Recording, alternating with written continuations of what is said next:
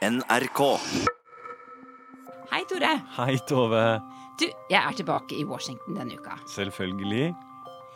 Ja, Men så hadde jeg faktisk ikke tenkt å lage en podkast om USA, men om Etiopia.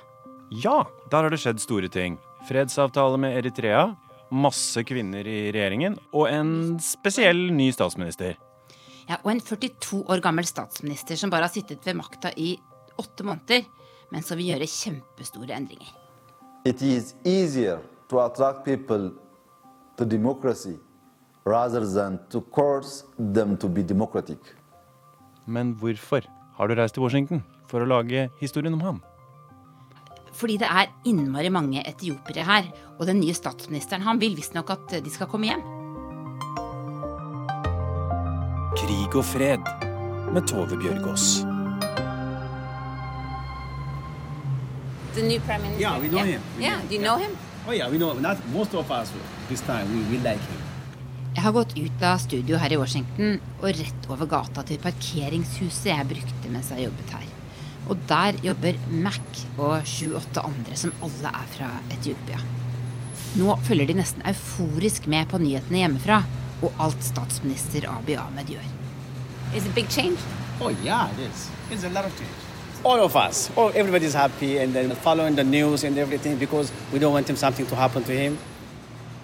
Han har gjort mer på de seks månedene han har sittet som statsminister, enn det vi har sett kanskje på de siste 25 årene. Eh, enorm reformiver og et enorm reformdriv på toppnivå. Jeg heter Kjetil Tronvold og er professor i fred- og konfliktstudier ved Bjørknes høgskole. Eh, og jeg har jobbet med Etiopia og Afrikas Horn i 30 år. Abiy Ahmed eh, representerer hva skal jeg si, en, eh, eh, hele Etiopias kompleksitet i, i sin kropp. Han er av Hans foreldre var fra forskjellige etniske grupper. Amharaene og romoene, de to største gruppene. Han er oppvokst i et muslimsk hushold, men er en eh, konvertert kristen, evangelisk kristen selv. Eh, Han har en militær offiserbakgrunn eh, fra veldig tidlig alder av, men samtidig en sterk også sivil utdanning. Han har avla i, i fjor en doktorgrad i fred og forsoning på Universitetet i Addis Abeba. Veldig velartikulert, karismatisk, snakker tre av hovedspråkene i Etiopia flytende, i tillegg til engelsk. Eh, Som har fått med seg folket, og har i og for seg lagd en ny sosial kontrakt mellom seg selv, mer eller mindre, og folket. Regjeringspartiet er det samme, som har styrt Etiopia siden 1991. Eh, Men det er en ny statsminister bare. Så kampen er både det å innad i hans parti å få med seg alle komponentene i partiet, som han strever mye med. Og så er det da å etablere et nytt forhold til sitt folk, som har følt seg undertrykt da i snart 30 år. Det er litt av et land, Etiopia, med litt av en historie. Hva er det mest spennende? Etiopia er eh, et fantastisk fascinerende land. Det er ikke å legge skjul på alle som begynner å jobbe med det. Jeg hadde tenkt å bare jobbe med det i to-tre år i mitt magisterarbeid, men fortsatt 30 år etter holder jeg på å jobbe med det forskningsmessig fulltid. Eh, De har en unik historie på det afrikanske kontinentet. 2000-2500 år gammel statsenhet med et uh, føydalt kongerike, keiserrike, veldig likt det middelalderske føydalsystemet i Europa. Det var eh, den nest eldste kristne statskirken i verden. 325 ble det kristnet. Eh, de hadde en veldig velutviklet eh, statsmodell organisasjonsmessig. Egen valuta, eh, eget skriftspråk, egen altså kirke. Eh, som, som gjorde at det er, en, det, er, det er en unik historisk dybde til den etiopiske stat og den etiopiske identiteten. Men så er det et ekstremt sammensatt land. Eh, De har over 100 millioner mennesker. Afrikas nest største i innbyggerantall. Eh, De har snaut 100 forskjellige etniske grupper, forskjellige språk. Det er en av Afrikas største økonomier, ikke sant? Det vekstmessig og er en av Afrikas største økonomier nå. Eh, Det tok igjen Kenya i fjor, så vidt jeg husker. ja. Hva er det de skal satse på, da? De satser på å bli Afrikas nye Kina. Eh, og helt bevisst eh, med at de har en massiv eh, arbeidskraft i landet. Ung arbeidskraft, disiplinert arbeidskraft. Ikke så utdannet, men det er da manual labors. Og det bygges eh, industrial parks, industriparker, med produksjonsbedrifter over hele landet. De har begynt å produsere mm, tøy for henne som Maurits, eh, sko for europeiske skomerker. Så de har eh, egentlig tatt over en del av produksjonen som har vært i Kina. Du ser noen internasjonale bedrifter flytter nå produksjonen fra Kina til Etiopia, fordi det er så mye lavere betaling eh, per arbeidsenhet. Da. Det finnes også mange etiopere som ikke bor i Etiopia. De bor f.eks. i Washington. Og Abiy Ahmed ønsker dem velkommen tilbake? Abiy Ahmed har satt i gang en enorm reform også versus sin diaspora. Eh, den forrige regimet, for å bruke det uttrykket, selv om det er det samme partiet, forrige statsminister eller de som kontrollerte da landet frem til nå, de har jo eh, tvunget mange på flukt ut av landet. Eh, både politikere og menneskerettighetsaktivister, journalister og kunnskaps, kunnskapsfolk. De er nå ønsket tilbake og invitert tilbake. Særlig den politiske opposisjonen i eksil. Alle er invitert tilbake, og mer eller mindre alle har dratt tilbake til Etiopia for å praktisere politikken internt. Men han har også invitert eh, vanlige etiopere tilbake eh, for å investere eh, økonomi, sette i gang småbedrifter, og også for å bidra kunnskapsmessig. Så han tilrettelegger da en enklere vei for de etiopere med et utenlandsk statsborgerskap, amerikansk, norsk, svensk, you name it, for å komme tilbake og opprette en etiopisk identitet. Ryktene sier jo at det er, er det ti ganger mer etiopiske medisinske leger i USA enn det er i Etiopia. Så bare det med tanke på kunnskapsoverføring tilbake med helseindustri, kunnskapsindustrien, kan være et enormt potensial for Etiopia. Nå har jeg forflyttet meg til 9th eh, Street, som er liksom ti kvartaler nord for Det hvite hus. Eh, og her i Shaw, et sånt ganske kjent afroamerikansk nabolag, så ligger det vi kaller lille Etiopia her i Washington. Og utenfor Abesha, som er en eh, lunsjrestaurant, en sånn fastfood-restaurant, så har jeg akkurat møtt en patolog, av alle ting, som kom fra Etiopia for 30 år siden. Og han har faktisk møtt den nye statsministeren Abiy, som har vært her i byen for ikke lenge siden, med en ganske klar oppfordring til eh, de mange mange tusen etioperne som bor her. My name is Kasaun Tafara. I'm a resident of Washington, D.C. I'm a clinical pathologist. So he, he came here, the prime minister. What did he say? He asked us to contribute a dollar a day, so $30 a month we are responding to his uh, question, uh, his uh, request, where we we are uh, mobilizing uh, in uh, in every profession, healthcare. starting summer, we are ready to go back home and serve the country. So you're planning to go back? Yeah, yeah. I'm going in January. How long are you staying? I think uh, three months. That's what they say. It's just a group, so from three months to four months. But are you thinking you might even move back there? To Ethiopia? Uh, if that is productive, yeah. I don't want to be corrupt, you know. and a no, life here, no? no and I've yeah. been living here, but uh, you know, I, I'd be more productive if I go in and out, you know.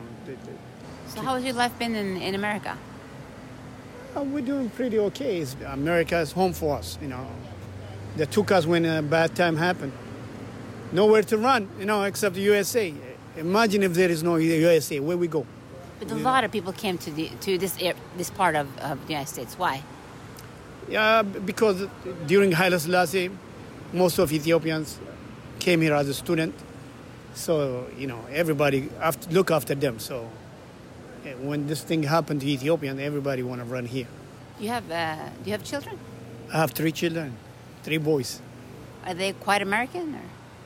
No, they, they uh, even though they're born in, in America, they have mixed culture. So, do you think they might want to go back one day? Well, you know what? If, when I go January, I'll take them. We're trying to send them to school there for two years. Here, the school system is not as strong as back home. So it's better schools in Ethiopia. Oh, no doubt. That's a British school. What is your sort of biggest dream that that he can accomplish? For uh, the, the president, Yeah, the prime like minister. for the, Yeah, for the yeah. country. You know what? The biggest accomplishment I mean, saying is, is a lot of resources are leaking out from the country. If he's minimized, not stop, you know, thieves everywhere. Even in America, there is criminals. But minimize what is leaking. If he keep what he getting from European, American, from all over the world, if he keep that in Ethiopia, given te- coming 10 years, Ethiopia will be middle class.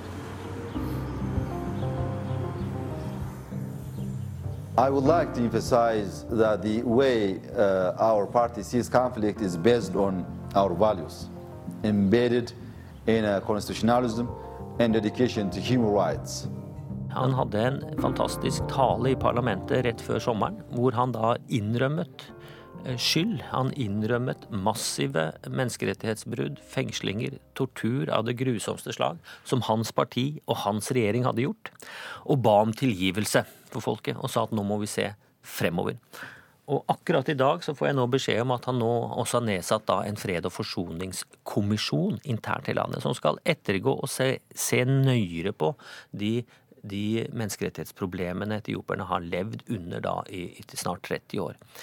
Så det er å Det han gjør, er å liberalisere den undertrykkende stat. Han har disconnected eh, etterretningen, eh, politi, militære eh, fra å være undertrykkende mekanismer for regjeringen. Og si at nå skal folket høres og bli hørt. Jeg ser som folk som prøver å skyte meg i, når jeg sover. Det blir man ikke kvitt. Nei. Man kan aldri bli samme person igjen etter tortur. Jeg heter Aman Kadir Kamsare.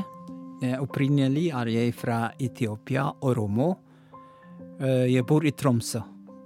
Trives veldig godt i Tromsø. Det er Norden, Norden Paris.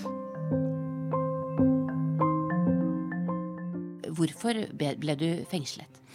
Eh, Det har ikke gjort noe kriminell, men eh, i Etiopia, hvis du kritiserer regjeringa, eh, eller hvis du viser at du vil ikke ha sånn som foregår, det, det betyr Det definerer som kriminell, og så ma- man må havne i fengsel eller tortur. Den er grunnen jeg har vært jeg har vært i studentbevegelse i Etiopia ganske tidlig. De brukte annet insekter i torturen av deg. Ja, det, det, det, det, det er brukt. Det Alambakany, den er det, det verste, største fengsel i Etiopia på militærregimeperiode. De brukte der å dyrke bevisst eh, insekter som torturerer mennesker. Et rom som jeg husker, det ble satt der eh, to dager. Så de satte insekter på, på huden din. Ja, insekter går skjold fordi de, de, de lever på blod. Med en gang du er der, det, det kommer inn eh, i hodet, i kroppen, og man må klå hele tiden. Og så man får andre sykdommer fra eh, tyfoid. Tyfus. Ja. ja. Hvordan eh, klarte du å komme videre etter dette? Uh, jeg var vel eh, Nei, nei jeg, jeg, jeg har ikke tenkt at jeg overlever, men eh, mennesker er veldig Noen ganger den skjer eh, uten vi tenker. Er- jeg har ikke tenkt at jeg opplever den situasjonen, men mange døde, så kunne jeg ikke overleve. Du tilhører oromofolket. Kan du forklare eh, hva er, hva er oromofolket, og hva er, hva er alle disse forskjellige gruppene, etniske gruppene i Etiopia? Eh, Oromo er det største folkegruppa i Etiopia som de makthaverne definerte oromofolk eh, som slav, men det overveldende majoritet i Etiopia. Ikke bare Etiopia, i Afrika. Hun du finner i Kenya, du finner i Somalia, du finner oromo i Sudan. Du finner det, du, du, Nesten eh, oromo-språk også, lingua franca, i Afrika som, som Kiswahili, for eksempel. Statsminister eh, Abiy Ahmed, han er oromo, sånn som deg. Ja. Hva er, det han forsøker, hva, er det, hva er det han forsøker å gjøre? Eh, han eh, har gjort veldig, veldig eh, stor forandring i landet.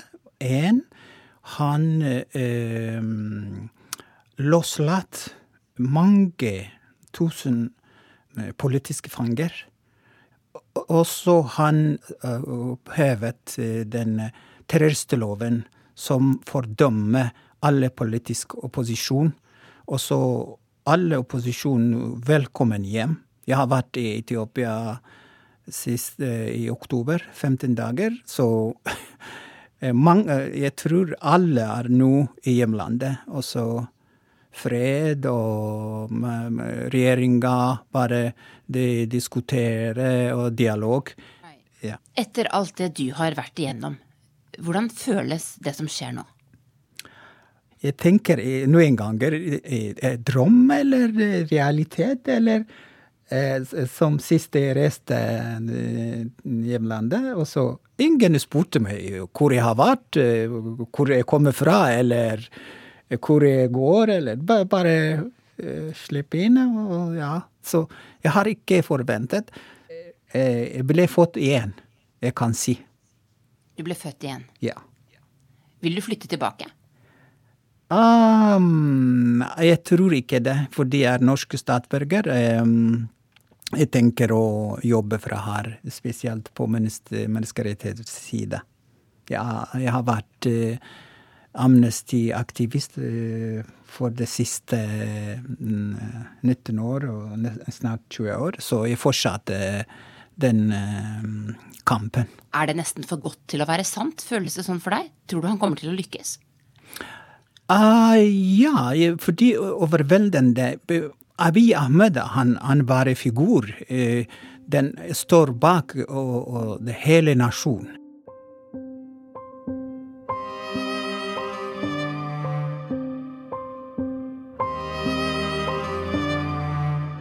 Det høres jo veldig uh, fantastisk ut, det vi sitter og snakker om. Men så er det jo dessverre sånn at verden er litt mer komplisert enn en, Altså, når man gjør én ting på en så stor skala, hva slags uintenderte konsekvenser vil det også få? Og Etiopia, som gjennom da årtusener faktisk har vært en sterkt sentralisert, hierarkisk, undertrykkende eh, statsmodell, når det løsnes opp over natten, så kommer det da mange gamle konflikter opp igjen, som har blitt holdt nede pga. Eh, militært press. Men samtidig som nye konflikter skapes ut ifra nye forventninger og aspirasjoner som folket har til lokal eller regional maktutøvelse. Og Det vi ser i Etiopia i dag, er en fragmentering på regionalt delstatsnivå. Eh, nå har akkurat som et eksempel den eh, delstaten i Sør-Etiopia Etiopia er inndelt i ni forskjellige etniske delstater under en etnisk føderasjonsmodell.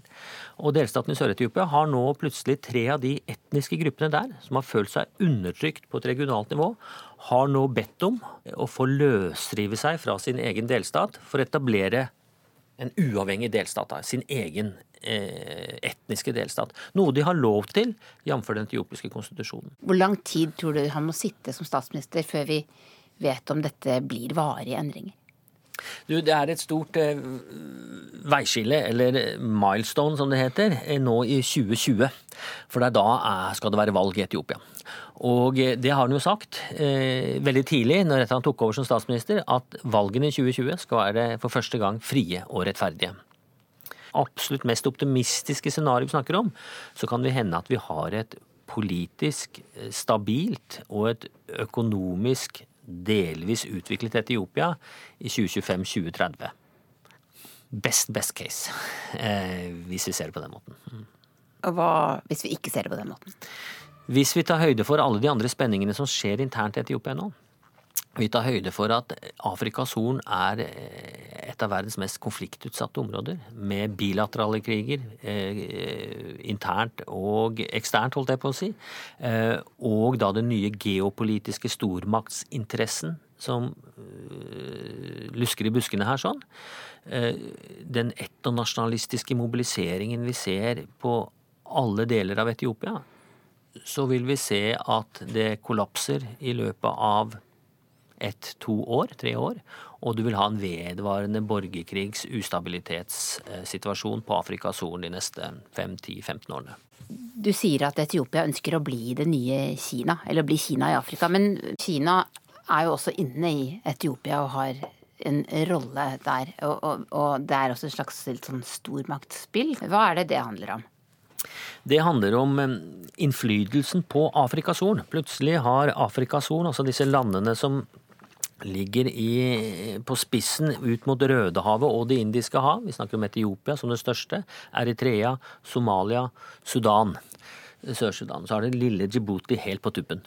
Eh, det har fått en veldig økt geopolitisk interesse. Og vi må tilbake til 70-tallet eh, og se lignende eh, interesse fra stormaktene. Hvor Kina er involvert, USA er der. Russland kommer nå inn igjen og befester seg med en ny marinebase på Rødehavskysten i Eritrea. I tillegg til ikke minst Saudi-Arabia, Emiratene, Qatar, altså Midtøsten-aktørene, og Iran. Alle har søkt til og fått, eh, prøver å få innflytelse over og dominans. Så plutselig har du et vell av, av, stormakter, eller aspirerende stormakter, som ønsker å få et fotfeste i regionen. Og det ser vi f.eks. med at um, i Djibouti, dette lille, bitte lille landet helt på tuppen, så har um, de nå jeg tror det er fem eller seks internasjonale militærbaser. Både USA er der, Frankrike er der, Kina er der, Saudi har tinget sin interesse, India har tinget sin interesse. Uh, så har du Russland og, og Emiratene i nabolandene. Så plutselig er det også et veldig sensitivt militært område. Og dette gjelder jo selvfølgelig eh, beskyttelsen av eller kontrollen over Rødehavet og Det persiske gulf, som dette kan kontrolleres fra. da. Og der går jo den største delen av eh, Europas skipsfart igjennom, fra Europa til Asia gjennom Suezkanalen.